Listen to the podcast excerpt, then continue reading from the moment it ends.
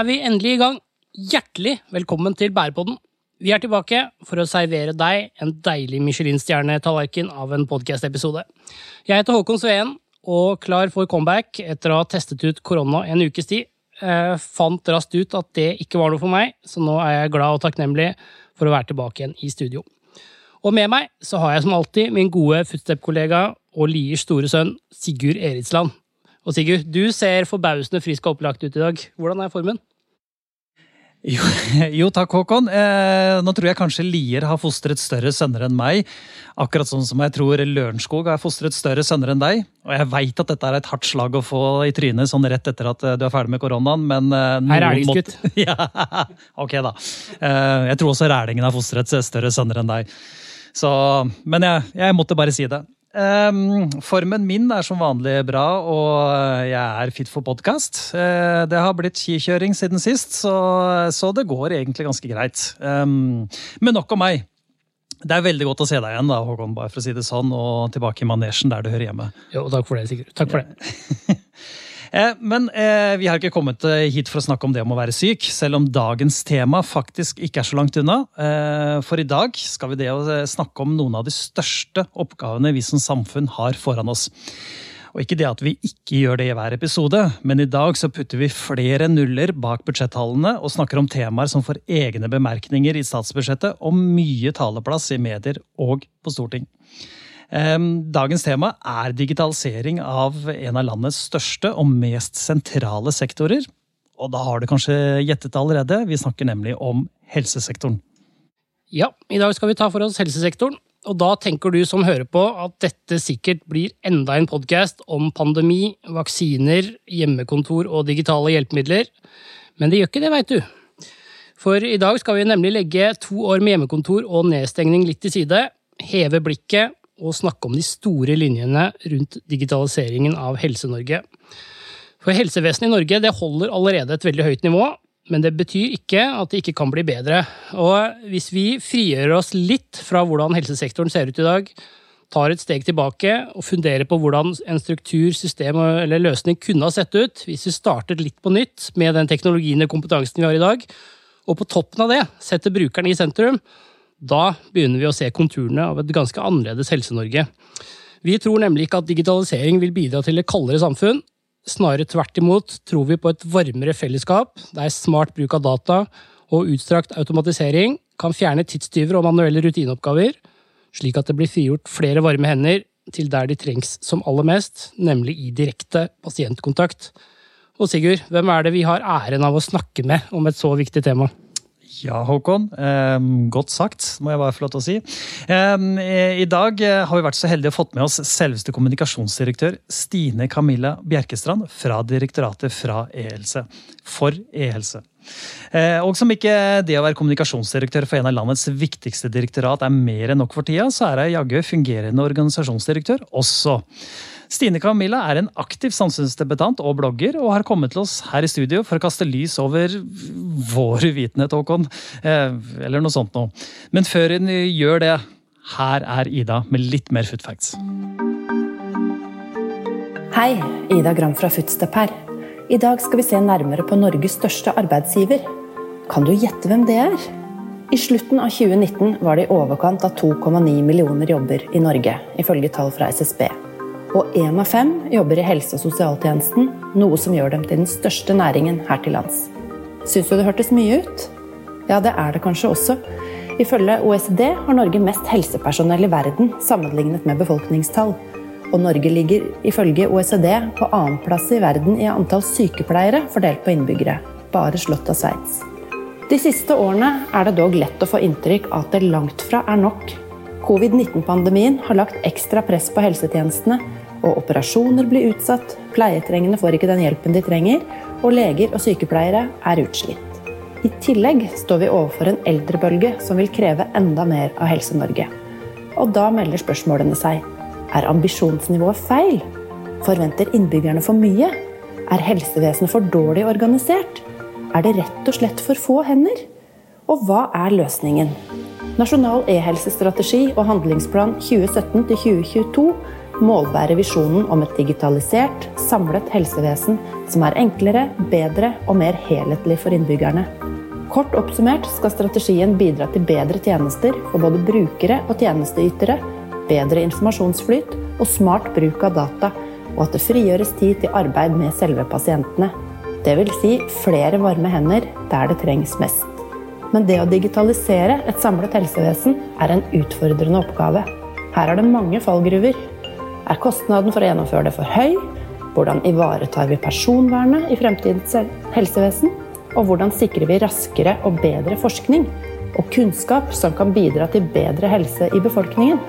Mange utfordringer, mange spørsmål, men forhåpentligvis noen løsninger også. Det skal vi høre mer om i dag. Tusen takk til vår gode kollega Ida Gram for kloke ord på vei inn i en episode som vi tror vil bli innsiktsfull for mange. For nå skal vi endelig slippe til kommunikasjonsdirektør i Direktoratet for e-helse, Stine Camilla Bjerkestrand. Hjertelig velkommen til Bærepodden, Stine. Tusen takk for det. Tusen takk for invitasjonen og for veldig fin intro. Jo, så hyggelig. Aller først så har vi litt lyst til å bli bedre kjent med deg. Hvem er Stine Camilla Bjerkestrand? Ja, altså sånn eh, På jobb eh, så er jeg jo en leder som etter hvert begynner å få nå det blir liksom over 20 års erfaring ja, med å jobbe med kommunikasjon, digitalisering, innovasjonsprosjekter. Har jobba spesielt da med helse- og omsorgssektoren de siste åra. Spesialisert meg litt i det. Og så har jeg tidligere jobba som rådgiver og teamleder i Netlife Design, så jeg er veldig opptatt av det brukersentrerte perspektivet. Og jeg har også en, mange år bak meg eh, i Legeforeningen og som utviklingsredaktør i Tidsskrift for Den norske legeforening. Ja. Så er jeg jo ellers litt sånn eh, engasjert i nærmiljøet mitt, da. Det er eh, det som jeg liksom bruker mye tid med på fritida, at ungdommer skal ha et bra tilbud. Opptatt av at eh, man skal ha likt tilbud uavhengig av f.eks. økonomi. Så jeg jobber mye i sportsklubben der jeg bor, og særlig med håndball, da, som er den sporten som ligger hjertet nær. Mm. Herlig. Og så er du altså kommunikasjonsdirektør i Direktoratet for e-helse. Kan, kan ikke du fortelle oss litt om denne organisasjonen og hvordan dere jobber? Ja, altså Direktoratet for e-helse altså vi er jo holdt jeg på å si, satt til jorden for å støtte opp om digitaliseringen i helse- og omsorgssektoren. Og Vårt oppdrag er jo å samle den sektoren om en felles retning eh, for digitalisering. Um, som dere kanskje var litt inne på, så er det jo veldig mange forskjellige selvstendige aktører i helse- og omsorgssektoren som har egen beslutningsmakt. Så vi er jo nødt til å ha noen som samler alle disse her om den felles retningen, og får til et forpliktende samarbeid eh, for å utvikle og digitalisere helse- og omsorgssektoren. Vi er opptatt av helhetlige og sammenhengende tjenester. Mm. For eh, ikke sant, du er litt inne på det, men Styringen av IKT i helsesektoren består av mange enheter og operatører. Hva er Direktoratet for e-helse sin plass i dette landskapet, og hva er relasjonen for mellom eh, e-helse og Norsk Helsenett? Ja, altså vi bruker jo ofte å si at det finnes 17 000 aktører i den sektoren her. Eh, hvis man tar med liksom smått og stort av legekontorer og kommuner og alle leverandører osv. Og det som kjennetegner eh, sektoren vår, da, er jo at man faktisk var ganske tidlig ute med å digitalisere. Eh, men det betyr jo også at vi fikk veldig mange forskjellige løsninger og systemer i helsesektoren. Så en av de store utfordringene er jo å få de løsningene til å snakke sammen, til å utveksle data. Eh, og det er jo der eh, vår rolle egentlig er. Vi jobber med som jeg sa, den der felles retningen. Vi jobber med å stille krav f.eks. til standarder som skal benyttes av ulike løsninger for at man skal kunne utveksle data. Vi eh, jobber med å samle inn behov og se på hvordan ting kan gjennomføres, eh, hvordan ting kan finansieres før det settes i gang utviklingsprosjekter. Mens Norsk Helsenett de er tjenesteleverandøren i helsesektoren. Så de drifter, forvalter og videreutvikler alle eh, etablerte løsninger eh, i sektoren. Og Vi samarbeider jo veldig tett. Vi er på en måte nesten i en liten sånn symbiose, men der vi har litt sånn ulike roller i ulike faser av disse prosjektene. Da. Der hvor vi er mye inne i starten, og så er de mye mer inne etter hvert. Mm. Så dere kanskje utgjør utredninger på hva som er riktig å gjøre, og de er mer utfører. Ja, det stemmer. Det, altså sånn litt, litt forenkla kan vi si at uh, vi jobber med hva, og de med hvordan. Mm. Ikke sant. Eh, men hva vil du si er eh, statusen på digitalisering i helsesektoren? Ja, altså, jeg tenker jo det at vi har faktisk kommet ganske langt. F.eks. under pandemien så har vi jo sett det at en del sånn etablerte løsninger som helsenorge.no, kjernejournal, har spilt nøkkelroller. Eh, særlig det med tilgang til prøvesvar for både helsepersonell og oss, oss innbyggere. Og eh, det har jo blitt mer og mer tjenester på helsenorge.no. Fra alt liksom tjenester som går også mer inn i måte, å yte helsehjelp, f.eks. psykisk helse, helsehjelp, det er mange mange tjenester som har kommet til der de siste årene. Og en annen på en måte, suksesshistorie er jo det med digitale meldinger. 200 millioner meldinger eh, går det hvert år omtrent eh, mellom aktørene i sektoren. E-resept det er også noe som vi eh, egentlig ikke tenker over. Det er bare en løsning som ligger under og, og funker. Så, så, og jeg tror det er litt sånn at eh, det, det, skal jo bare funke. Og når det gjør det, så tenker vi kanskje ikke over hva som faktisk har skjedd da, de siste, siste åra. Men likevel så sier jo bl.a. OECD at uh, helsesektoren ligger 10-15 år bak andre bransjer når det gjelder uh, digitalisering. Og det er jo fortsatt uh, noen store utfordringer, og det handler jo om den der digitale samhandlingen. Å få disse dataene til å flyte mellom løsningene, da.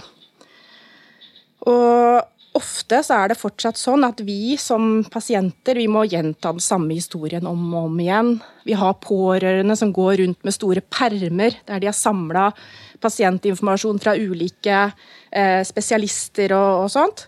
Så, så, er det klart det at det, det gjenstår også eh, mye da, i, digitaliseringen. Og, ja, uh, Unnskyld at jeg avbryter, ja. men uh, altså, um, jeg, jeg, tror det, det, du trekker fram også, er, er noe um, ja, som du sier, pårørende kan kjenne seg veldig igjen i. Da. Og, og eh, som brukere av en tjeneste, så, så, så eh, Jeg tror veldig mange andre som leverer digitalisering av tjenester, også vil kjenne seg igjen i det du sier. Altså, eh, at det du leverer i dag, det er jo også på en måte standarden i morgen. Så at man, man, man vi som brukere og ytere av en tjeneste, vi blir jo veldig fort bortskjemte også, da. Så det er kanskje ikke alltid like lett å se de store fremskrittene som er gjort. Nei, og så tror jeg også den der at eh, heldigvis så er jo ikke de fleste av oss veldig mye i kontakt med helse- og omsorgssektoren, så det er ikke sikkert at eh, hvermannsen egentlig kjenner så godt til det som heller ikke funker så bra, men som bør funke. Og En annen stor utfordring det er jo på en måte egentlig knytta til kapasiteten, altså bærekraften i helse- og omsorgssektoren. fordi vi lever lenger med flere sammensatte sykdommer. Det er stadig behov for mer helsehjelp. Så det er jo blitt sagt i forbindelse med sånn type perspektivmeldinger og sånn at i 2040 så vil det være behov for 40% mer helsepersonell. Og det, altså, det, det, fikser vi ikke. Så vi er jo nødt til å ha innovasjon i måten man leverer tjenestene på. Og effektivisere, gjøre hverdagen enklere da, for helsepersonell. Mm. Og ikke minst også perspektivet knyttet til eh, sikring av data, som dere også da må, må forholde dere til. Absolutt, og det, det, er jo kjempeviktig når man mm. jobber med helsedata. Ikke sant.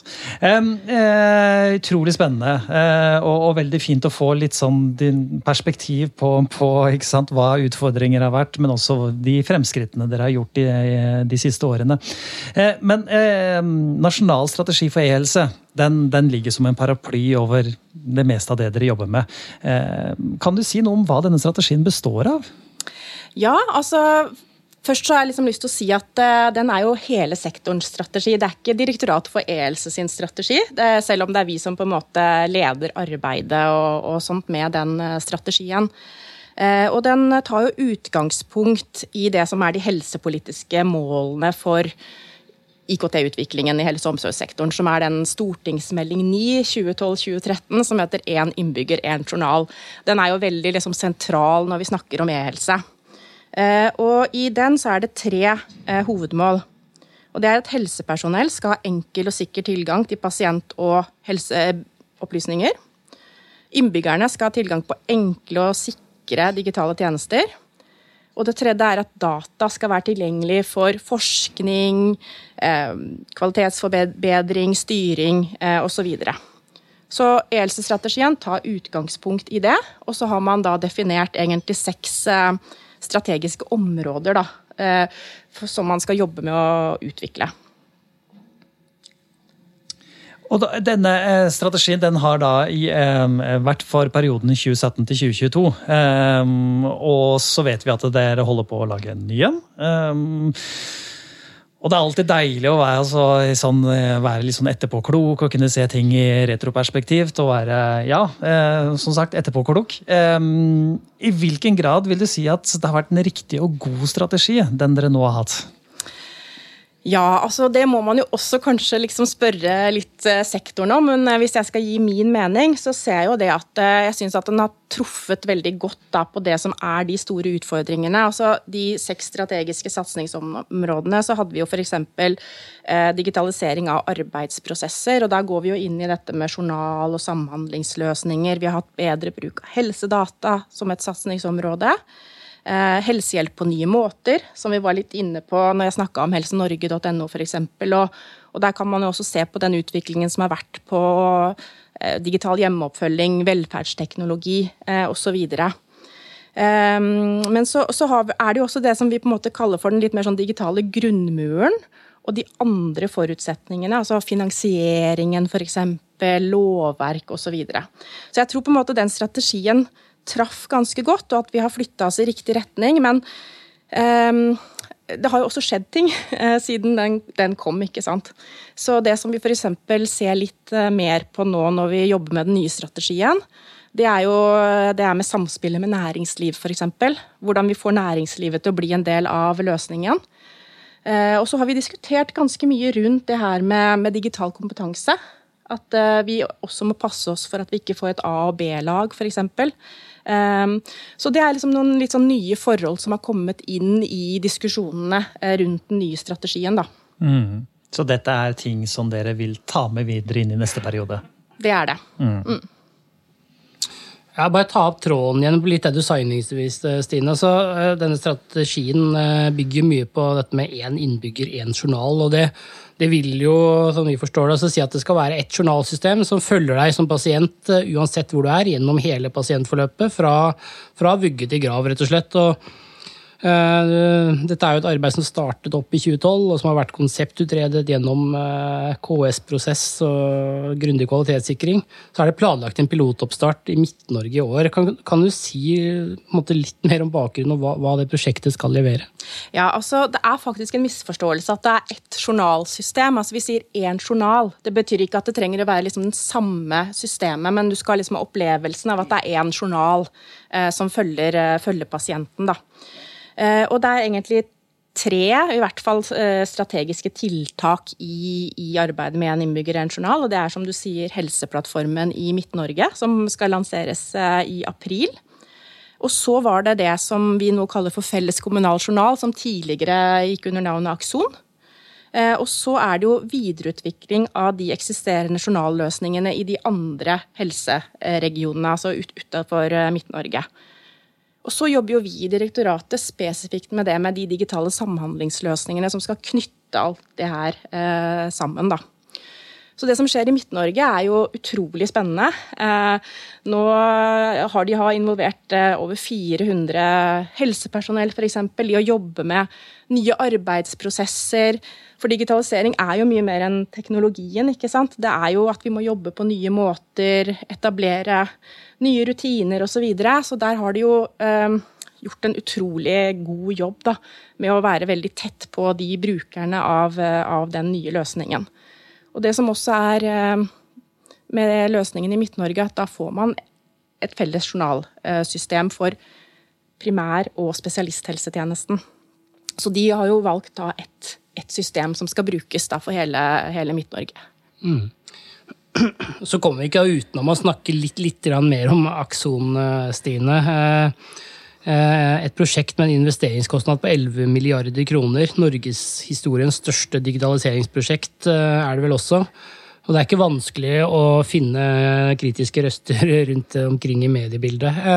Men vi bærer på den og ønsker å høre mer om hvorfor dere mener at dette prosjektet, som heter da Akson, vil lykkes. Skal ikke du si litt om det?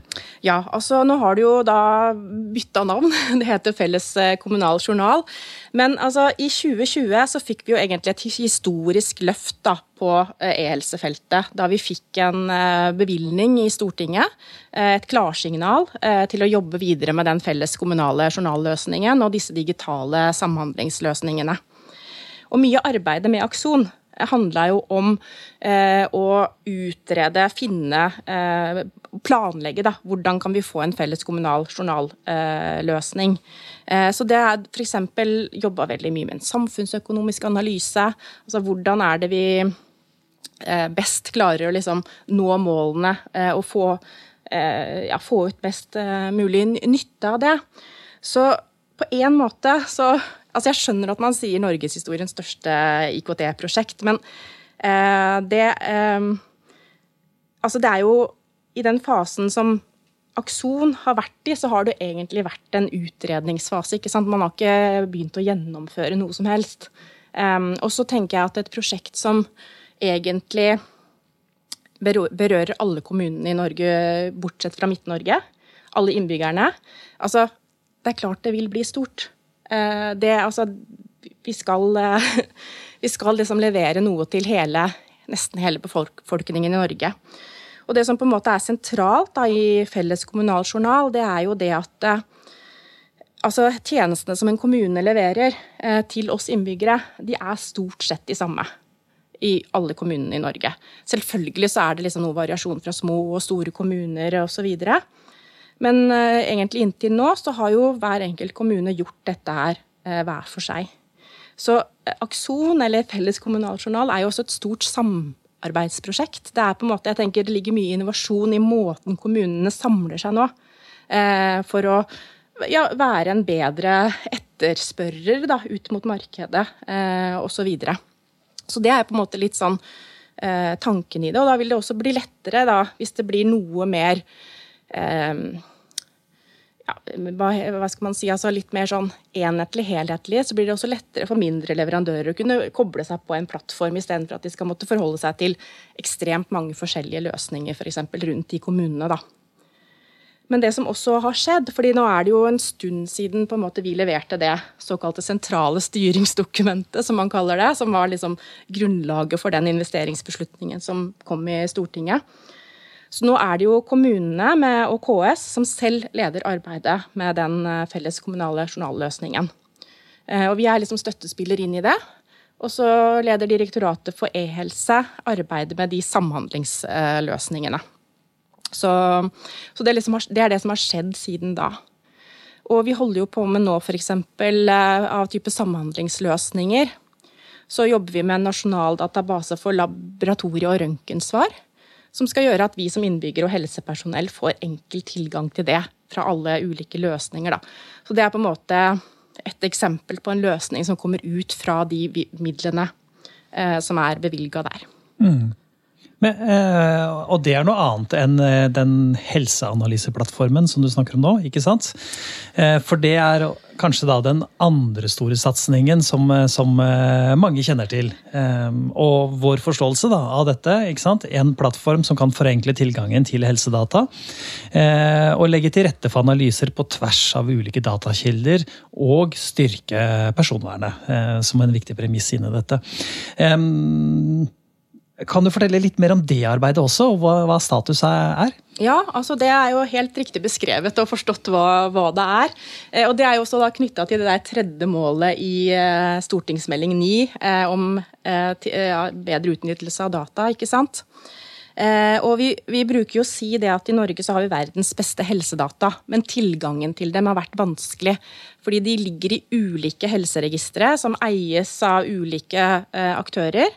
Og det har vært f.eks. For, eksempel, for å søke tilgang til de dataene, så har du måttet søke til hver enkelt av de registereierne. Eh, og behandlingstiden kan ha vært f.eks. ganske lang. Da. Eh, så i eh, arbeidet med helseanalyseplattformen, eller det som vi har kalt for Helsedataprogrammet, eh, så har det jo også handla om det å få til et felles søknadsskjema, felles saksbehandling, eh, mer veiledning til forskerne. Men også da en sånn helseanalyseplattform der de skal kunne jobbe med dataene fra ulike datakilder på én plattform. Og ha en del analysetjenester og sånn, f.eks. på den plattformen. da. Og så um, har vi jo møtt på litt utfordringer i, i holdt jeg på å si, siste sving der. Fordi eh, her har vi jobba smidig. Det har vært levert tjenester hele veien. F.eks. det felles søknadsskjemaet eh, er eh, lansert. Vi har helsedata.no som gir veiledning. Vi har etablert noe som heter Helsedataservice, som er en enhet som, som skal gjøre saksbehandlingen og sånt. Så skulle vi da egentlig nå i april 2022 eh, lansere den helseanalyseplattformen. Eh, og egentlig var godt, godt, i gang med det. Men eh, der hadde vi jo valgt da en amerikansk skyleverandør. Og etter Schrems 2 så har vi jo måttet liksom tenke gjennom det på nytt, da. Fordi at vi ser at det er noen juridiske utfordringer knytta til personvern. Altså man kan, vi har liksom konkludert med nå at Altså vi, vi, må være 100% trygge på at det, ikke, at det ikke data kommer på avveie. Altså vi snakker om helsedata, de mest sensitive dataene vi kanskje har i Norge. Eh, og selv om sannsynligheten er liksom superlav, egentlig, for at amerikanske myndigheter benytter seg av den muligheten til å få tilgang på noen av de dataene, så, så mener vi at, eh, at det fortsatt ikke er godt nok. Da. Og vi har også sett på sett på ulike typer tiltak vi kunne gjøre for å liksom minske den sannsynligheten ytterligere, med type kryptering og, og den type ting. Eh, men vi syns fortsatt ikke at vi liksom er helt i mål. Og vi så også at en del av den, eh, den type kryptering og sånn ville egentlig redusere brukskvaliteten i løsningen såpass mye at eh, da er vi også usikre på om man faktisk ville nå målene da, eh, med løsningen. Så nå har vi egentlig satt akkurat det litt på pause. Eh, vi har liksom en fot i bakken. Ja, du, du eh, snakker jo om problemstillinger som helt sikkert mange andre også, eh, som ønsker å fornye tjenestene sine og ikke minst sammenstille all den verdifulle dataen man har, og kommer opp i problemstillinger som man egentlig ikke på, tenkte på i utgangspunktet, men, men, men hvordan skal du ivareta personvernet, og spesielt da etter Schrems 2-dommen som, som du, du, tar opp. Så det er, det er kjempespennende diskusjoner. og vi vet jo bl.a. nå at NSM gjør, skal, gjøre, skal, gjøre en konseptutredning for eh, en eventuelt etablering av en norsk skytjeneste. Eh, og så vidt jeg har fått med meg, så, så er det vel snakk om også at, at altså helsedata er en del av temaet inn i den, den konseptutredningen. Ja, for jeg tenker altså Det med personvernet og styrka personvern har jo liksom vært et mål hele veien. ikke sant? Og, og bare for å si litt om hva som også er levert, så så skal jeg komme til, til egentlig spørsmålet ditt, så har vi jo også fått innsynsløsninger nå på helsenorge.no som gjør at vi kan se hvilke helsedata som vi faktisk har avgitt til en del registre. For de er, ikke, de er jo også en måte å styrke personvernet på. Men så tilbake til det med skytjenestene. for altså, Det vi eh, gjør nå, da, det er jo det at vi må liksom følge tett med på utviklingen både i Norge og internasjonalt. Altså hva skjer her? Vi vil ha åpne diskusjoner, være med i på en måte, eh, debatten rundt det. Eh, og så vil vi også se på da, eh, alternativer til den, til den, teknologien vi hadde valgt, i, i, tett samarbeid med Norsk Helsenett. fordi her er jo, som vi snakka om tidligere, altså dette er jo noe som Direktoratet for e-helse og Norsk Helsenett eh, gjør i tett samarbeid. Og vi ser jo også at det fins eh, noen andre løsninger i universitets- og høyskolesektoren f.eks. Altså, så vi må se litt på det. Um, så, så, det er det vi egentlig jobber med nå, da.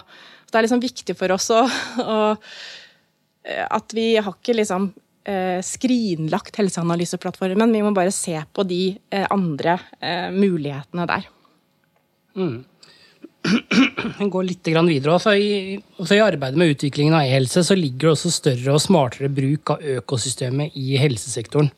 Hvordan, hvordan tenker dere bruk av plattformer og økosystem for å lage et enklere Helse-Norge?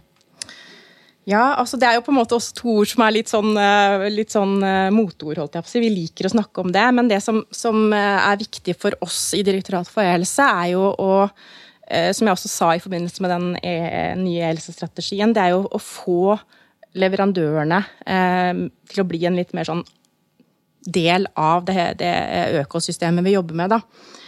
Eh, og vi ønsker jo å være en liksom, aktiv støttespiller til selskap som utvikler nye og innovative løsninger. Så vi har jo gått inn f.eks. i et samarbeid med Alip, som er en sånn eh, inkubator for norske helseinnovasjoner. Eh, og så har vi jobba nå som direktorat med noen, noe av det som vi kaller for prinsipper for koblinger mellom helsenorge.no og andre løsninger i markedet.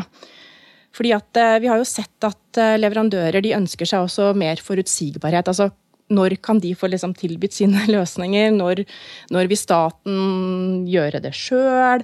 Hvordan skal de her løsningene spille sammen? Eh, Osv. Så, videre. så da har vi lagd eh, noen prinsipper der som faktisk er ute på høring nå. Eh, og vi er jo opptatt av at det skal være oversiktlig for oss som innbyggere. Eh, men det betyr jo ikke at det liksom under overflata ikke kan være ulike eh, løsninger da, som er, er, en del av, eh, av det, f.eks. Så det er jo, jeg tenker dette er noe det vil være også økt fokus på eh, i tida fremover.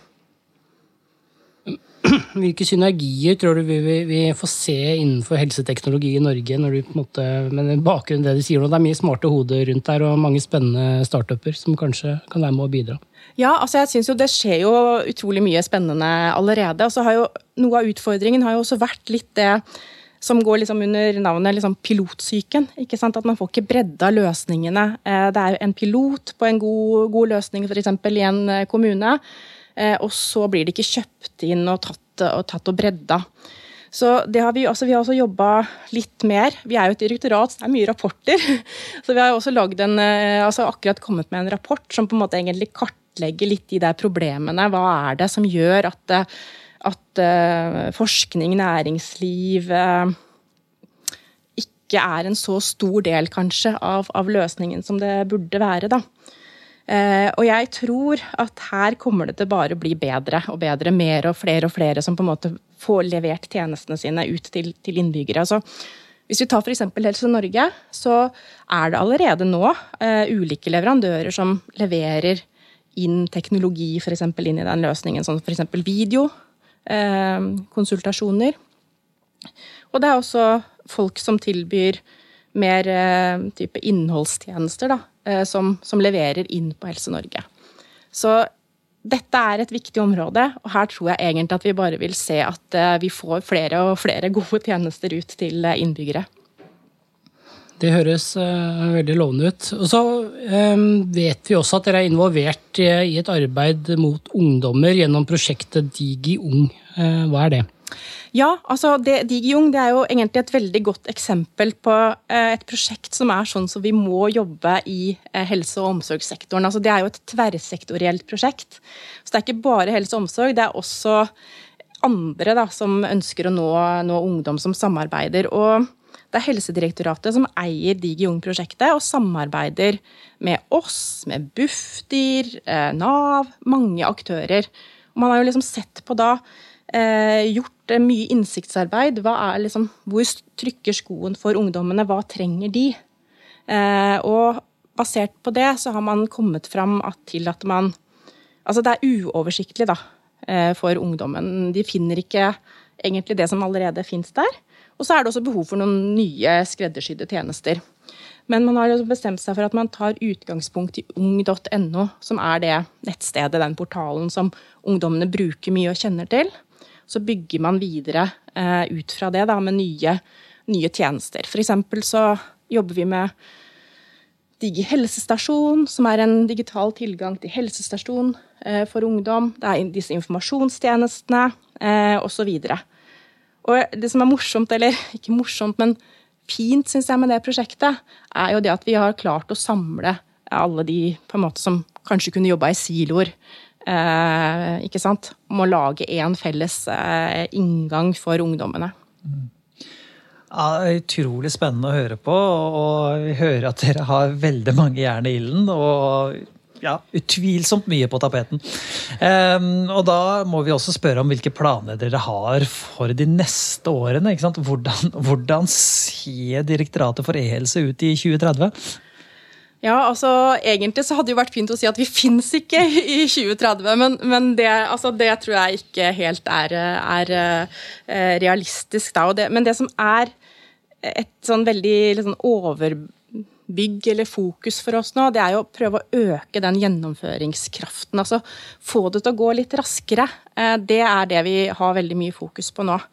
Og vi ser jo det at eh, vi har noe som heter nasjonal styringsmodell for e-helse. Det høres litt sånn byråkratisk ut osv.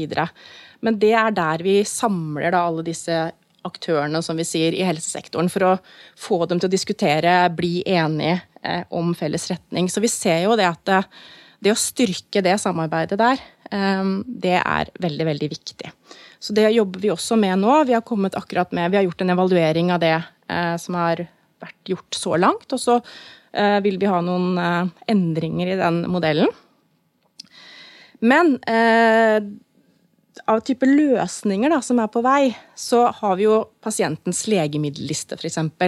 Det er jo en løsning som har vært snakka veldig mye om, og som handler om at helsepersonell ulike steder, altså hos fastlege, spesialisthelsetjeneste, skal ha tilgang til en oppdatert liste over medisiner som pasientene står på, i sanntid.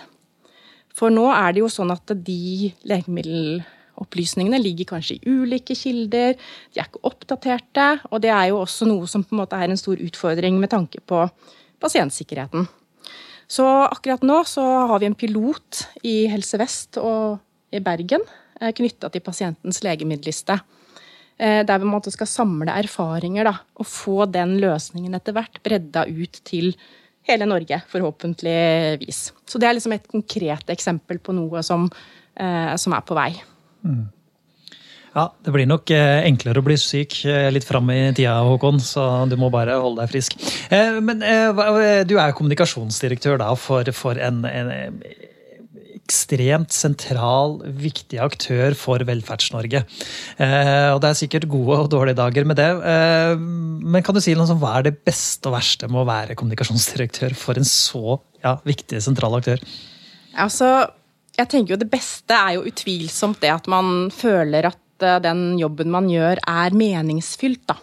Eh, og i Direktoratet for e-helse så gjør vi jo jevnlig medarbeiderundersøkelser. Og det der med å identifisere seg med samfunnsoppdraget, vi jobber for et enklere Helse-Norge, det scorer veldig høyt. Der kommer vi på en måte ofte ut over snittet eh, i sammenligna med andre.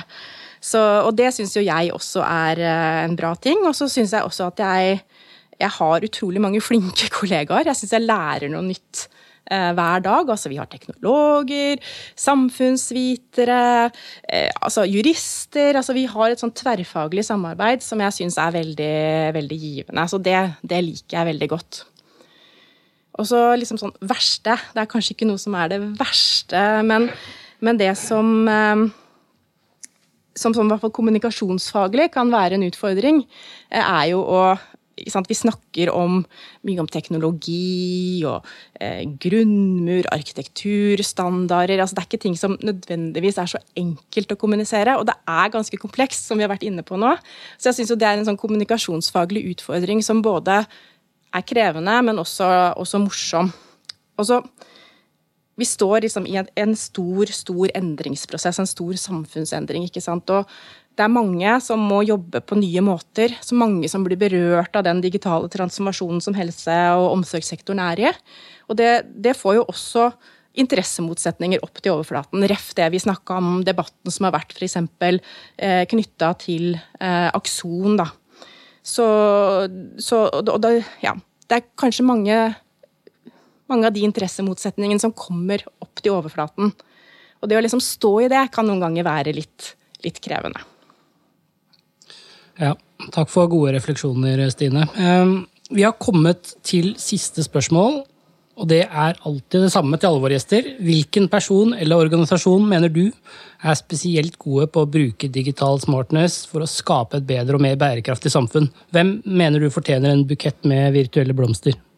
Ja, altså jeg tenker at jeg vil gi den eh, Jeg må gi den til litt flere enn én. For jeg vil gi den til alt helsepersonell som gjennom pandemien har vært utrolig endringsvillige med å ta i bruk nye digitale løsninger, som har liksom senka terskelen for kontakt med helsevesenet i den liksom krevende perioden vi har stått i.